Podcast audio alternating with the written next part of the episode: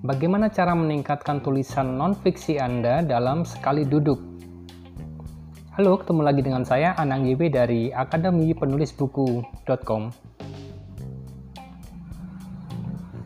Bikin naskah non-fiksi itu gampang-gampang susah. Tapi kalau Anda pengen tahu bagaimana membuat sebuah tulisan yang enak untuk dibaca, Anda perlu belajar dari para editor non-fiksi. Mereka, para editor, biasanya dalam sekali duduk bisa menemukan banyak hal yang sekiranya bisa disunting dari naskah Anda. Yang pertama adalah ini. Mereka biasanya akan membaca paragraf pertama dari tulisan Anda dan sering kali mereka harus tega hati untuk membuang paragraf pertama Anda.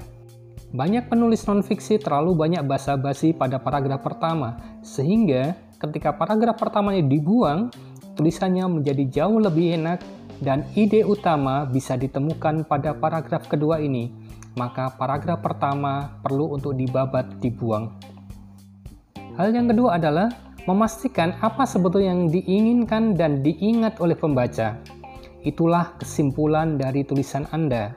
Maka kesimpulan itu harus ditaruh pada ujung belakang atau paragraf terakhir dari tulisan Anda. Hal yang ketiga adalah bacalah tulisan Anda dengan lantang.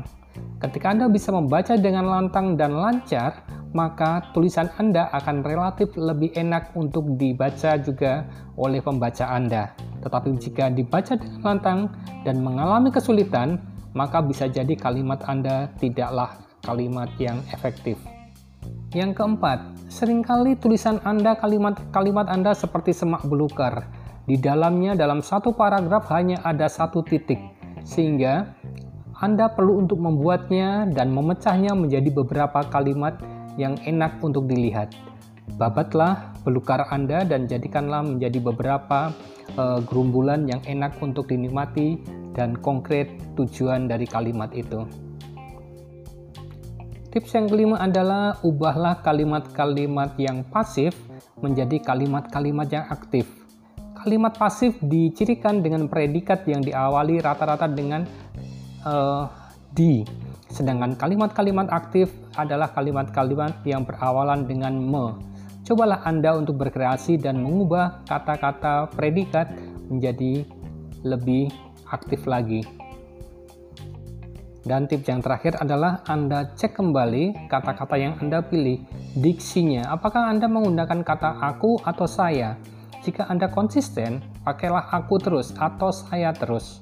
Anda juga perlu mengecek fakta-fakta yang lain, misalnya penulisan nama harus tetap konsisten dari awal sampai akhir. Kemudian penyebutan juga, misalnya Anda menggunakan kata ibu atau mama, maka Anda juga harus konsisten dengan itu. Nah, itu beberapa kiat ringan tentang cara menyunting tulisan non-visi Anda dalam sekali duduk. Kalau beberapa tips ini bisa Anda praktekkan, Anda biasakan, maka lama-lama tulisan Anda akan semakin sedikit untuk disunting. Oke, selamat mencoba. thank you